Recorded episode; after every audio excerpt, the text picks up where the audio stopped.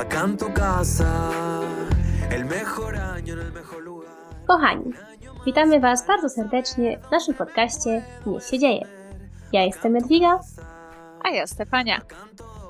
W dzisiejszym odcinku przedstawimy Wam różne wskazówki na temat wynajmowania mieszkań. Powiemy Wam, czego unikać i na co zwracać szczególną uwagę. Jest to pierwsza część z serii o wynajmie. W następnym odcinku usłyszycie różne ciekawe historie i anegdotki, które rozwiniemy. Dzisiejszy odcinek będzie skupiony przede wszystkim na różnych wskazówkach. I jeszcze zanim zaczniemy, szybka informacja, że założyłyśmy maila, który nazwałyśmy podcast.niechsiędzieje.gmail.com na który możecie do nas pisać, jeżeli macie ochotę się z nami czymś podzielić, na przykład przemyśleniami do naszych odcinków, bądź pomysłami na kolejne serie, lub jeżeli macie jakieś własne historie, które chcielibyście, abyśmy zawarły w podcaście. Adres tego maila dodamy w opisie pod tym odcinkiem, byście mogli go łatwo znaleźć. I również możecie podzielić się swoimi historiami z wynajmu w Polsce, ponieważ my nie mamy tego doświadczenia. Mamy doświadczenie z za granicą, ale brakuje nam trochę anegdot z wynajmu w Polsce, więc będzie bardzo ciekawie usłyszeć Wasze historie i na pewno wspomnimy o nich w kolejnych odcinkach. Dokładnie.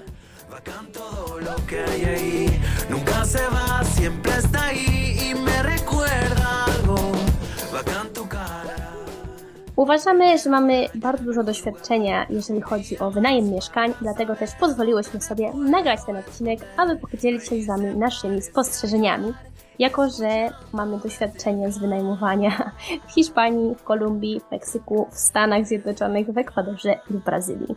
Dlatego skondensowałyśmy dla Was dzisiaj naszą całą wiedzę i rozpoczynamy od Airbnb, czyli od portalu, na którym można wynajmować mieszkania na krótki okres, bądź też dłuższy, o którym myślę, że większość słyszała. Tak, jest to zdecydowanie najbardziej międzynarodowa platforma, bym powiedziała, no oprócz Bookingu.com, ale Booking.com się odnosi bardziej do hoteli, a Airbnb faktycznie, czy ten wynajem krótkoterminowy, czy długoterminowy jest bardzo przydatny i bardzo uniwersalny, więc zawrzemy Wam teraz taką pigułkę wiedzy w sumie, na co zwracać uwagę i takie najważniejsze kwestie, taki must po prostu, na co zwracać uwagę. Jeżeli na to zwrócicie uwagę, to prawdopodobnie już nie zginiecie, krótko mówiąc. Więc pierwsza taka wskazówka, której użyłam na przykład wynajmując mieszkanie w Toluce, gdzie summa summarum nie skorzystałam później z tej opcji, ale już z Polski dogadałam się z właścicielką, zamówiłam mieszkanie, w moim przypadku to było na cały miesiąc i od razu zapytałam się jej, bo Airbnb podaje numer telefonu, ten kontakt, więc można od razu napisać na WhatsAppie, żeby uwaga, wiadomości nie były szyfrowane, ponieważ Airbnb tak szyfruje wiadomości niektóre, nie można podawać wydaje mi się, numeru konta, numeru, e, numeru telefonu, adresu. Są takie różne informacje, które, które są szyfrowane. Dokładnie tak. I, I mało tego, nie tylko są szyfrowane numery, ale ja sprawdziłam ostatnio tutaj w Brazylii, że nawet nie jesteś w stanie napisać słowa WhatsApp, A, kiedy kontaktujesz się z gospodarzem. Ale wow, no, jest też sztuczka, którą można ominąć, ponieważ nie zawsze w ogłoszeniu będziecie mieć numer do właściciela. I jest taka sztuczka, którą możecie zrobić, na przykład wysyłając po dwie cyfry. W każdej wiadomości osobno, czyli 24, Enter. 37, Tak. Enter. Wtedy daje wysłać numer telefonu. Jest to Mhm. trochę upierdliwe i irytujące, ale to jest taki tip, dzięki któremu możecie ominąć szyfrowanie przez Airbnb. ale da się, tak. Właśnie pamiętam, że ktoś mi kiedyś też tak wysłał i w ogóle na początku nie wiedziałam o co chodzi, dlaczego, a później faktycznie człowiek już z czasem zdaje sobie z tego sprawę. Więc dogadanie się przez WhatsApp właśnie, żeby te wiadomości nie były szyfrowane, czy jest możliwość wynajęcia tego pokoju, jeżeli macie dobre przeczucie co do niego i już jesteście zdecydowani, że to jest najlepsza opcja, najlepsza alternatywa, jaką znaleźliście, to czy właśnie będzie możliwość wynajęcia tego długoterminowo, ale nie przez Airbnb.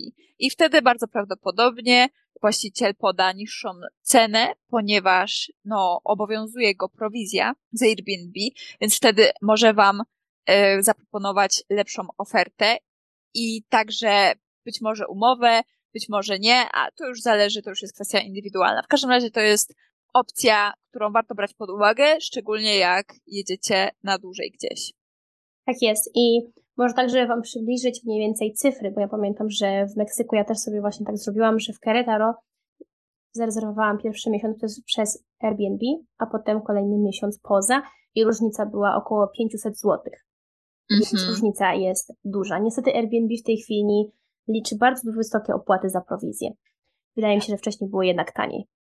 I te, też taka, właściwie taki tip, który też działa w sumie na Bookingu.com, ponieważ prowizja Booking.com też jest dosyć wysoka i jeżeli zadzwonicie do hotelu, szczególnie w Polsce, osobiście, to bardzo często mogą wam zaproponować ten pokój właśnie 20% taniej, czyli z tą prowizją, któ- która jest wliczana na Booking.com, więc to właściwie jest uniwersalna rada. Zresztą myślę, że najlepiej iść po prostu zasadą, że zawsze przez pośrednika jest najzwyczajniej w świecie drożej niż bezpośrednio. I jeszcze jeden ważny punkt tutaj, który trzeba zawrzeć, to jeżeli chcecie zarezerwować właśnie taki pokój czy mieszkanie poza Airbnb, która jest le- legalną platformą, zawsze, ale to zawsze podpisujcie z właścicielem umowę. Zawsze. Oszczędzicie sobie wiele problemów, będziecie mieć wtedy podkładkę na wiele rzeczy. Dlatego to może się jakby wydać dla niektórych oczywiste, ale dla niektórych niekoniecznie.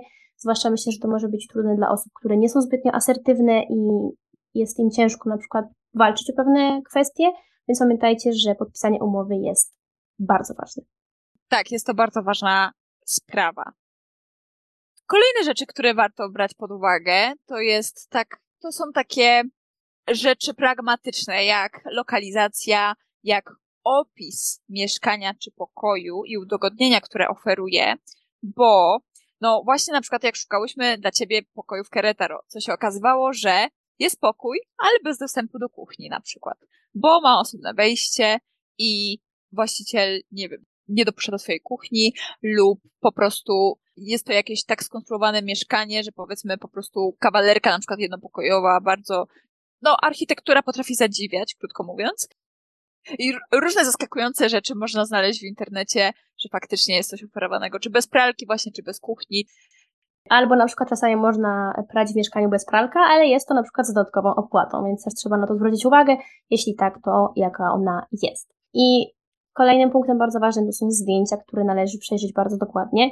I też Airbnb będzie się różniło od miasta do miasta. Ja widziałam niektóre oferty na Airbnb bardzo ładne, porządnie zrobione, z dobrymi zdjęciami, a inne, które są takiej jakości, że wręcz aż wstyd są zrobione w sposób bardzo nieprofesjonalny. Na przykład są oferty, w których właściciel wrzuca jedno zdjęcie albo trzy zdjęcia i na przykład to może być tylko i wyłącznie zdjęcie łóżka albo zdjęcie umywalki w sypialni. Najbardziej irytujące dla mnie jest to, że nie potrafią zrobić zdjęcia całego pokoju, tylko zrobi, robią jakiś urywek tego pokoju, nie? Więc widzisz jakby tylko połowę. Na przykład nie widzisz, czy pokój ma okno. Więc trzeba dokładnie przejrzeć zdjęcia i zdecydowanie bardziej wiarygodne mieszkania, takie oferty, którym można ufać, to są takie, które mają dużo zdjęć, ponieważ to oznacza, że jakby właściciel niczego nie ukrywa. To prawda, to prawda. Czasami się też zdarzają zdjęcia po prostu pokoju, bez na przykład wglądu do całego mieszkania. Więc jeżeli interesuje Was jakiś dłuższy pobyt, to to może być bardzo ważna kwestia, no bo wiadomo, te, to całe otoczenie jest ważne. I tutaj taka wskazówka, że superhostowie są zdecydowanie wiarygodni, bo na ten tytuł faktycznie oni tam zbierają jakieś opinie, punkty, zasługują sobie po prostu i później mogą też ten tytuł stracić. To wiem, bo mam kolegę, który właśnie jest super hostem i ma dom na Airbnb, który wynajmuje i bardzo o to dba, bardzo, bardzo jest dumny z tego tytułu. Ma dzięki temu też zupełnie inną obsługę z Airbnb, jeżeli coś się wydarza, jeżeli jest jakiś właśnie jakaś kwestia z wynajmującym, to on dzwoni i ma zawsze pierwszeństwo i od razu jest obsługiwany z tej platformy. I jeżeli wynajmujecie w jakimś miejscu, gdzie ten wynajem jest ryzykowny lub na przykład jest mało wiarygodnych ofert, to ten superhost faktycznie zawsze ten tytuł coś jednak zmienia, jest wiarygodny. Dokładnie. I tak samo nie dajcie się wprowadzić w błąd, nie dajcie się zmanipulować, ponieważ niestety na takich platformach można znaleźć również dużo oszustów, którzy próbują wykorzystać klientów, więc jeżeli na przykład, tak jak w Twoim przypadku, Ty miałeś taki, taką sytuację, że właścicielka Ciebie poprosiła o anulowanie z Twojej strony rezerwacji, ponieważ ona nie ma takiej opcji, to jest oczywiście ściema, to jest bzdura, ponieważ gospodarz też ma e, taką opcję. Dokładnie. Ona mi wtedy powiedziała, że właśnie nie ma takiej opcji, gdzie ja wiedziałam, że na pewno ma taką opcję i że mnie to będzie kosztowało wszystkie pieniądze, ponieważ Airbnb przynajmniej do jakiegoś czasu, teraz trochę to się zmienia, ale i tak w wielu przypadkach, jak na przykład zamawiacie do miesiąca lub nawet powyżej miesiąca, to Airbnb bierze pierwszy czynsz do miesiąca. Czyli jeżeli zamówiliście na przykład Airbnb na 10 czy 14 dni, albo nawet na miesiąc, to Airbnb sobie już zatrzyma wszystkie te pieniądze do miesiąca i do 30 dni. Więc ona, tak manipulując mną, żebym ja anulowała tą rezerwację na bodajże dwa tygodnie, to bym straciła wszystkie pieniądze, które, które Airbnb mi zablokowało, tylko dlatego, że ona nie mogła nie mogła mnie przyjąć z jej winy, więc to byłby jakiś absurd, a ona nic nie traci oprócz jakichś tam punktów, no właśnie co do chyba tego superhosta, czy po prostu wiarygodności właściciela, pod, ale to podobno do reputacji, o tak to się nazywa, ale podobno mało to co zmienia, jakby nie jest to jakoś bardzo dla niej drastyczne. Tak. Ja miałam dokładnie też bardzo podobną sytuację, że babka mnie próbowała oszukać, ponieważ ja miałam zabukowany pokój u niej w mieszkaniu na cały miesiąc z miesięcznym wyprzedzeniem i na tydzień, dosłownie tydzień przed moim przyjazdem, moja rezerwacja została anulowana na Airbnb. Bez podania żadnego powodu ona się do mnie nic nie odezwała, więc ja również, w ogóle to była straszna sytuacja, ja się strasznie zestresowałam, bo miałam jeszcze mnóstwo rzeczy na głowie i nagle musiałam szukać od nowa mieszkania i znalazłam coś. I ona do mnie napisała po dwóch dniach i powiedziała mi, że to Airbnb anulowało z jakiegoś powodu tę rezerwację, a nie ona. Co oczywiście koniec końców wyszło później, że mnie okłamała i że ona anulowała tę rezerwację tylko i wyłącznie po to, żeby podpisać ze mną umowę poza platformą. I tak samo ważnym punktem jest negocjowanie zniżki, mianowicie jeżeli rezerwujecie mieszkanie bądź pobyt przez Airbnb na dłuższy okres, to wtedy naliczone są różnego rodzaju zniżki, na przykład na 3 tygodnie albo na cały miesiąc i wtedy potrafi wyjść o wiele taniej. I pamiętajcie też, że zawsze jest również opcja, żeby negocjować jeszcze większą zniżkę z tym właścicielem, nawet jeśli taka zniżka już została naliczona przez serwis, bo czasami się oni zgadzają. O, to ciekawe, takie zniżki w sumie nigdy nie, nie negocjowałam, za to zawsze sprawdzam, po pierwsze, czy, bo czasami właśnie wychodzi tak, że to samo Airbnb na 30 dni i na dwa tygodnie różnica jest już bardzo mała, ponieważ jest taka duża zniżka na, na te 30 dni, ta 30-dniowa, że to wychodzi praktycznie cena dwóch tygodni. Dokładnie, bo to czasami jest wręcz zniżka 50%. Tak, więc faktycznie tutaj można sprawdzać różne opcje na, bo też w niektórych mieszkaniach się wliczają opłaty za sprzątanie, w innych nie, inne zniżki i tak naprawdę to samo miasto patrzysz te same mieszkania na różne opcje, jeżeli masz oczywiście ruchomy przedział dni, ruchomy czas, gdzie możesz gdzieś być, to faktycznie warto sp sprawdzać różne opcje w różnych miejscach i wtedy wybrać już najfajniejszą opcję. Tak jest. I ważne jest też patrzenie, czy to mieszkanie jest z właścicielem, co się często zdarza właśnie na Airbnb, jako że oni po prostu potrafią wynająć jeden pokój w swoim własnym mieszkaniu, w którym oni też żyją. No wiadomo, żeby sobie po prostu trochę więcej zarobić, więc też warto na to patrzeć, bo to niekoniecznie jest oczywiste też dla wszystkich. Tak, i później spojrzeć, czy ten pokój, jeżeli właśnie na przykład byłby z właścicielem, to czy twój pokój ma drzwi, krótko mówiąc. Ostatnio miałam taką sytuację, szukałam Airbnb kolejny raz i znalazłam opinię, ponieważ na zdjęciu nie było tego widać, ponieważ oczywiście na zdjęciu nie zawsze widać, czy masz drzwi, bo na przykład może być taka perspektywa od drzwi, od wejścia, zrobione zdjęcie i na przykład jest cały pokój i już ci się wydaje, że wszystko ok, ale z naszych doświadczeń wynika, że właśnie mogą być dziury w ścianach, że mogą, że może nie być drzwi, że może nie być drzwi lub może nie być zamku w pokoju. A czasami może nie być okna, ponieważ pokój, który ja prawie zarezerwowałam, miał też tak zrobione zdjęcie, że było on zrobione od drzwi i nie było na nim okna widać. I to było jedno, jedyne zdjęcie tego pokoju. I ja myślałam, że to okno jest właśnie ze strony, odkąd jakby z tej strony, z której ta osoba zrobiła zdjęcie. Potem jak przyjechałam i widziałam ten drugi pokój, bo koniec końców zarezerwowałam inny w tym samym mieszkaniu i tamten pokój okna nie miał. Kochana, ja już się do tego przyzwyczaiłam, już nie biorę tego e, po pierwsze jako coś oczywistego, że pokój może mieć okno, ponieważ właśnie na tym Airbnb, szczególnie w mieszkaniach z właścicielami, jeżeli oni wynajmują pokoje czasami tak małe, że nawet one nie były przeznaczone do bycia pokojem. Może były na przykład przeznaczone do bycia komórką na coś, albo szafą. Różne są sytuacje, albo po prostu to jest taki pokój bez okna, albo z oknem wewnętrznym do domu, co też zależy, wiadomo, jak, jak komu to pasuje i na jaką część domu jest to okno. Dokładnie. No ja jestem osobą, która uwielbia światło, światło dzienne, więc to jest dla mnie zawsze must mieć okno. Ale faktycznie są takie, są takie sytuacje. No i a propos jeszcze tych drzwi, no to zamek w pokoju. Czyli warto go mieć, krótko mówiąc, bo nigdy nie wiesz, szczególnie mieszkając z nieznajomymi,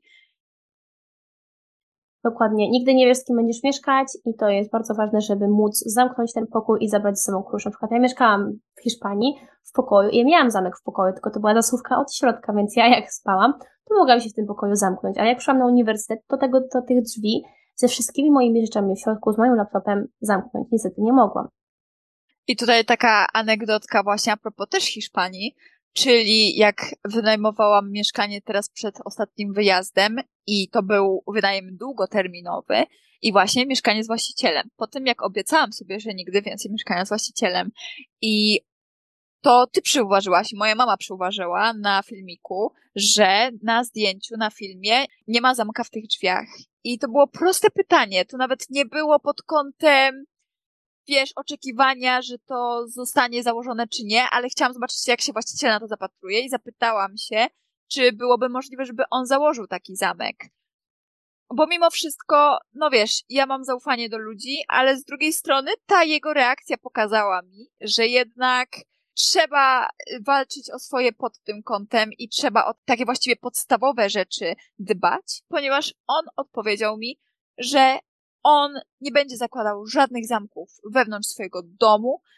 Wiele osób wcześniej mieszkało w tym pokoju, wiele, e, wiele dziewczyn, które w ogóle nie miały z tym problemu, że nie ma tego zamka w drzwiach. Do tego wszystkiego jeden, e, jeden chłopak z Polski też nie miał z tym problemu i ogólnie bardzo się oburzył, bardzo się zbulwersował. I ta jego reakcja tylko mi uświadomiła, że nie ma opcji mieszkania z właścicielem kolejny raz, ale też, że coś jest na rzeczy, skoro on tak bardzo się obruszył o ten zamek w drzwiach, gdzie to było proste pytanie, czy byłoby to po prostu możliwe. Szczerze mówiąc, mnie się wydawało, że on mnie zbędzie krótkim tak, założę, albo tak, pomyślę, co da się zrobić, a on autentycznie zaczął jedną wielką dramę z tego. Więc warto o to pytać i, i patrzeć, czy to jest. Tak, i właśnie to, o czym mówisz, teraz jest też związane właśnie z tą pierwszą rozmową z właścicielem, która jest bardzo ważna. I nasze też może przesłanie dla Was, nasz, nasza przestroga, to podążajcie za własną intuicją. Nie każdy też ma może dobrą intuicję, ale jakby to jest bardzo ważne, żeby jednak za tym podążać, ponieważ czasami właśnie, nasze pierwsze przeczucia są jednak trafne i takie rozmowy, właśnie takie, taka reakcja na przykład właśnie na taką prostą rzecz też potrafi sporo powiedzieć o danej osobie, czy jest elastyczna, czy będzie w stanie się dostosować do drugiej osoby, czy niekoniecznie. Powiem Ci, że jeśli o mnie chodzi, to wszystkie mieszkania przez internet, to dla kogoś właśnie mogłoby się wydawać, że mogłoby być odwrotnie. Wszystkie mieszkania były jak na razie trafione. Te wybrane przez internet, przez właśnie tą analizę i te odczucia, czy mi się to podoba. A właśnie na przykład to mieszkanie w Meksyku, które poszłam, obejrzałam, właśnie okazało się w sumie najgorszym, w jakim byłam, gdzie obejrzałam je osobiście. Więc prawda jest taka, że nie ma co się tego bać, tylko właśnie z, z pewną dozą ostrożności i wnikliwości trzeba przeanalizować tak te oferty. I tak samo też sytuacje są różne i my też już w naszych historiach myślę, że to już się też przewija. Czasami niestety nie ma innych alternatyw, czasami nie mamy innych opcji i lądujemy w jakiejś takiej sytuacji, która jest słaba i z której nie jesteśmy w stanie wyjść, ponieważ na przykład na rynku nie ma czegoś w podobnej cenie, albo na przykład właśnie nasz budżet jest za niski i nie jesteśmy w stanie go podnieść, żeby zapłacić więcej za jakiś wyższy standard. I też oczywiście podniesienie naszego budżetu niekoniecznie musi oznaczać, że znajdziemy coś lepszego. I nasze doświadczenia pokazują, że przede wszystkim ważna jest też taka energia takiego miejsca. Mam na myśli taki nastrój, atmosfera i osoby. Przede wszystkim to, z kim będziemy mieszkać, dyktuje, jak nam się tam będzie mieszkało. Może być to mieszkanie, które nie jest jakieś super, nie wiem, dogodne, nie jest jakiejś super lokalizacji, nie jest nie wiadomo jak urządzone, ładne, wygodnie i tak dalej, ale będziemy mieszkać z jakąś fajną osobą, z którą się dobrze żyje, z którą się dobrze dogaduje i jakby dzieli tą wspólną przestrzeń i wyjdzie super z tego doświadczenie, a na przykład możemy mieszkać w innym miejscu, które jest niesamowicie super jakości, ale osoba będzie właśnie nietolerancyjna, będzie jakoś bardzo zamknięta, i będzie na przykład narzucała jakieś nowe własne zasady, bądź też będzie próbowała nami manipulować i to już całkowicie jakby zawładnie tą jakością tego mieszkania. W sensie ta jakość mieszkania wtedy przestaje w ogóle istnieć, bo ten nastrój został tak zepsuty. Dokładnie tak jest. Więc warto kierować się tym przeczuciem, czy nam się podoba po prostu ogólna energia, tak jak powiedziałaś. To jest najlepsze słowo tak naprawdę z takich praktycznych jeszcze wskazówek warto spojrzeć na to, ile życzy sobie kaucji właściciel, za jaki okres. Czy to jest na przykład jeden miesiąc, półtora miesiąca, dwa miesiące. Opcje są różne, a to w zależności też od wysokości czynszu i od wysokości właśnie tej kaucji, to może nam zablokować całkiem sporą sumę pieniędzy. I naprawdę jakby to może po prostu być dwukrotne. Bo jeżeli ktoś chce jeden miesiąc, a ktoś chce dwa miesiące, to to już jest dwukrotnie nasz czynsz. I tak samo, kiedy będzie zwrot, tak jak ty miałaś w Stanach, to pierwszy raz się w ogóle z czymś takim spotkałam, że po ponad 20 dniach od wyprowadzki był ten zwrot kaucji, gdzie zazwyczaj jest z reguły w ostatnich dniach twojego wynajmu, kiedy właściciel przyjdzie, obejdzie, obejrzy to mieszkanie.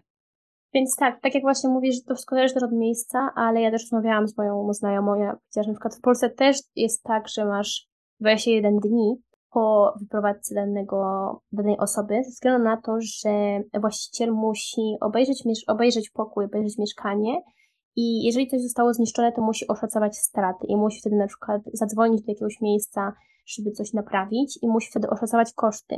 I wtedy robi, wiesz, jakby redukcję z tego, mm. ile zapłaciłaś kaucji i wtedy on po prostu liczy, ile ci może zwrócić, a ile nie.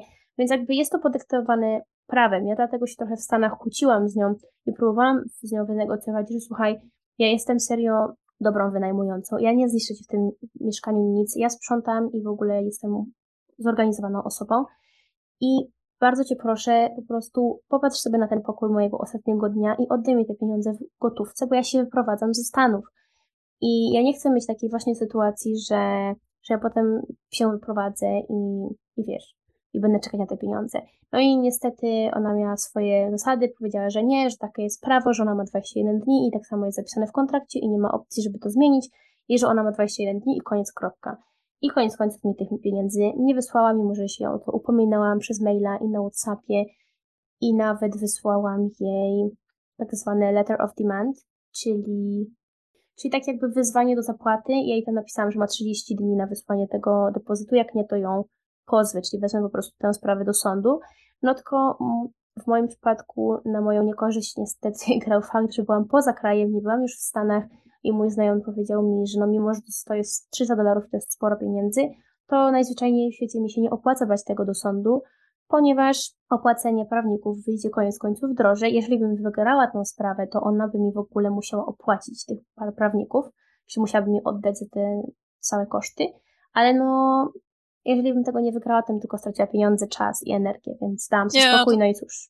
Totalnie jest to troszeczkę absurdalna sytuacja, szczególnie, że byś musiała prawdopodobnie wrócić do tych Stanów specjalnie w ogóle i wszczynać jakąś sprawę jeszcze w Stanach Zjednoczonych, to w ogóle jest lokura po prostu. To jest lokura.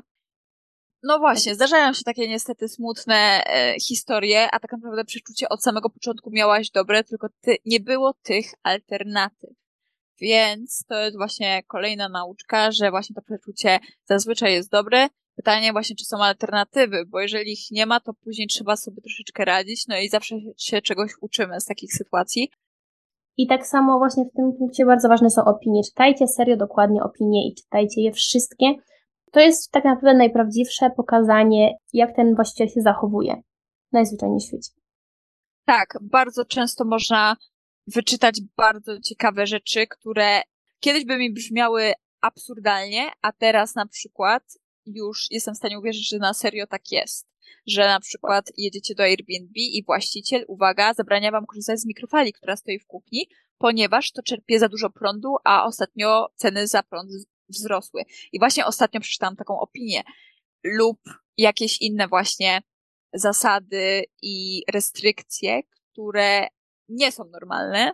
I jak jedziesz, żeby wynająć, nie wiem, dom na wakacje czy mieszkanie, to się zazwyczaj zdarza z właścicielem, bo wiadomo, że jak bierzecie mieszkanie czy, czy dom prywatnie, tylko dla siebie, to ten właściciel mało co wam będzie tych restrykcji nakładał, szczególnie już w trakcie pobytu, ale właśnie z tym wiąże się ryzyko mieszkania z właścicielem, wynajmowanie samego pokoju, że, że różnie później to może wyjść i opinie bardzo często odzwierciedlają bardzo dobrze rzeczywistość. Tak na przykład jak również możecie wyczytać, że są na przykład jakieś zwierzęta w domu, o których nie wiedzieliście. Lub właściciel sam o tym pisze, ale gdzieś tam na końcu. Więc warto to sprawdzić. Ja tak właśnie miałam w sumie w, w Toluce, że było napisane, że jeden mały piesek, a później suma summarum to były dwa średnie psy. I no to jest dla niektórych różnica. No i nie mogłam tak. powiedzieć, że ta właścicielka okłamała w tym, wiesz, w tym ogłoszeniu. Dla niej to już była mała różnica, jako że to są jej pieski, je kocha i w ogóle. Ale właśnie, jeżeli ktoś na przykład nie mieszka z psami, nie jest przyzwyczajony i na przykład nie spodziewa się tego. Albo ma alergię. Albo ma alergię, no właśnie, to, to też zależy w jakim stopniu zatają tą rzeczywistość. Dokładnie. Dlatego no właśnie, można się spotkać z różnymi oszustami w internecie. I też warto popatrzeć na przykład, czy łazienka jest prywatna, czy też jest współdzielona. Coś, co może się wydawać nieco niecodzienne dla niektórych, ale czy jest ogrzewanie, czy jest klimatyzacja. Tak. To w Hiszpanii tak. nie zawsze jest oczywiste. Dokładnie, jaki typ ogrzewania szczególnie, szczególnie właśnie w Hiszpanii. Czy właśnie ta calefacción central, czyli ogrzewanie centralne, czy pewnego rodzaju grzejniki, czy wtedy właściciel zapewnia te grzejniki. To tak miałam w Sewilli, że na właścicielka nie było ogrzewania, nie było kaloryferów w mieszkaniu, ale były grzejniki zapewnione przez właścicielkę. I wtedy też jak wam się coś takiego psuje, bo w pewnym momencie przestało mi po prostu działać, to wtedy też piszecie do takiej kasery, do takiej właścicielki i ona wypadałoby, żeby wam to zmieniła. Nie chcę powiedzieć, że ma taki obowiązek, ale jeżeli to zapewnia, jeżeli to było w tym ogłoszeniu, to też to jeżeli coś takiego się psuje, to wtedy też to jest w jej odpowiedzialności, w jej gestii. I jeśli chodzi właśnie o wynajem w Hiszpanii, to oprócz Airbnb, które właściwie na wynajem długoterminowy, to, to zależy.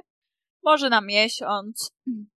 Raz miałam takie mieszkanie, było całkiem ok, ale tak to proponujemy bardziej strony jak Idealista, jak Mil Anuncios, jak Fotokasa, jak Facebook.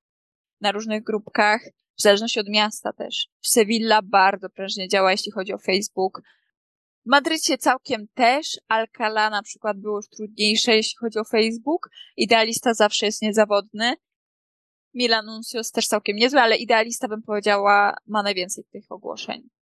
No właśnie, i to jest ciekawe też, to jest taki tip też, żeby szukać na stronach lokalnych, bo właśnie takie platformy jak Airbnb często mają wysokie prowizje na przykład, albo mają ograniczoną liczbę ofert, Natomiast na takich stronach lokalnych często można znaleźć też ciekawe oferty, czasami są one tańsze i tak dalej.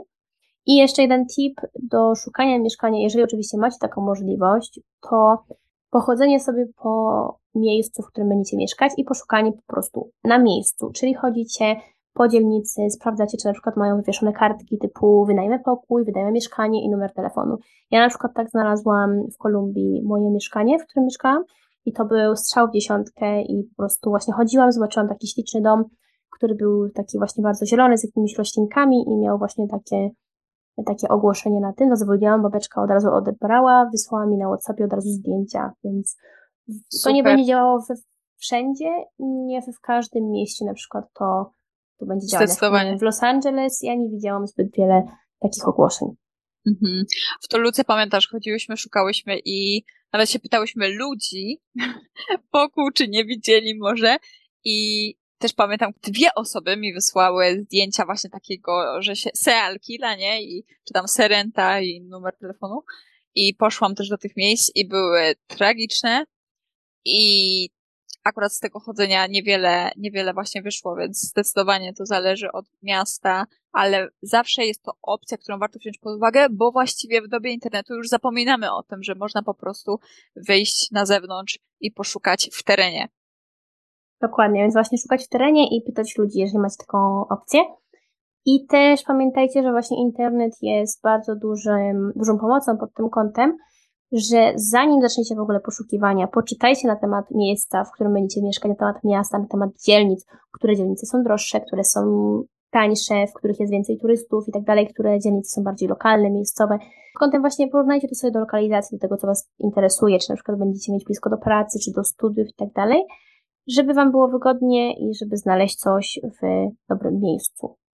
Tak, bardzo dobre wskazówki. Jeszcze a propos właśnie tego pytania się ludzi, to tak powiem, tak, mnie właśnie uratowała profesora w Meksyku, bo wspomniałam jej po naszych zajęciach, czy właściwie się jej zapytałam, czy nie zna kogoś, kto wynajmuje pokoje w swoim mieszkaniu, czy może się, czy może nie widziała, no bo jednak ona mieszka w tym mieście, mieszka, właściwie mieszkała blisko uniwersytetu, co w sumie mi, o tym mi wspomniała, że jesteśmy prawie sąsiadkami, że byliśmy prawie sąsiadkami, jak właśnie się przeprowadziłam do tego drugiego domu, więc wiedziałam, że mieszka w tej okolicy, że ma znajomości i że też również może popytać, czy właśnie studentów, gdzie wynajmują, że może u nich jest, jakby przyjechali z, z innego miasta i wynajmują gdzieś pokój, to, że może jest jakiś wolny pokój. I właśnie tak ona się dowiedziała, że że ja szukam tego pokoju i w sumie uświadomiła sobie, że ona ma wolny pokój w domu.